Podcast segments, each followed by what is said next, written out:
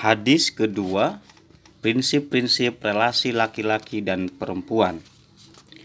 An Yahyal Mazini radhiyallahu anhu anna Rasulullah sallallahu alaihi wasallam qala la dororo wala diroro rawahul Malik. Dari Yahya Al-Mazini radhiyallahu anhu Rasulullah sallallahu alaihi wasallam bersabda tidak diperbolehkan mencederai diri sendiri maupun mencederai orang lain. Al-Muwatta Malik. Hadis Yahya Al-Mazini radhiyallahu anhu ini merupakan kalimat yang singkat dan padat. Kalimat ini la dororo wala diror telah menjadi aksimio, aksioma hukum di kalangan ulama fikih atau yang dikenal dengan kaidah fikih bahwa menyakiti dan merusak adalah terlarang, baik kepada diri maupun orang lain.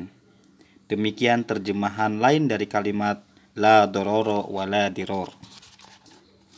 Dengan inspirasi kalimat ini, setiap orang, lelaki maupun perempuan, harus terbebas dari segala tindakan buruk yang menyakiti dan merusak baik dalam bentuk perilaku sehari-hari, misalnya dalam relasi keluarga antara suami istri dan orang tua anak, maupun dalam bentuk kebijakan negara.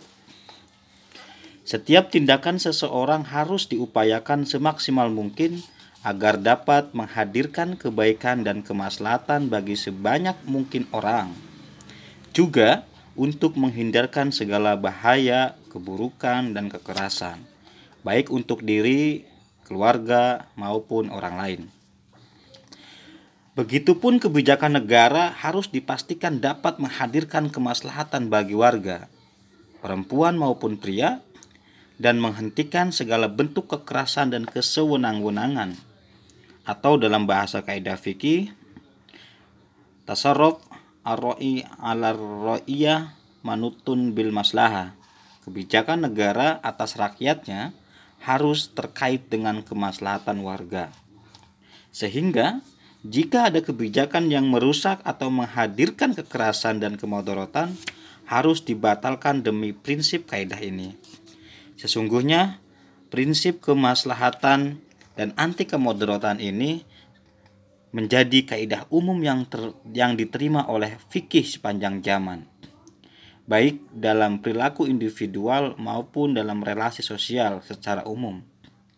Di antara ulama besar yang mempromosikan prinsip ini adalah Abu Al-Uzam Al-Ba'ri, Abu Hamid Al-Ghazali, Fahruddin Ar-Roji, Al-Qarafi, Iz'ad-Din bin Abdul Salam, Al-Aufi, Ibnu Taimiyah, Ibnu Qayyim Al-Zawajiyah dan Ibrahim As-Saibi.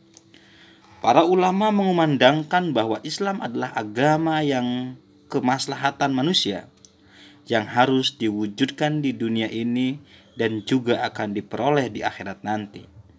Islam adalah agama kemaslahatan dan kemaslahatan adalah prinsip dari Islam.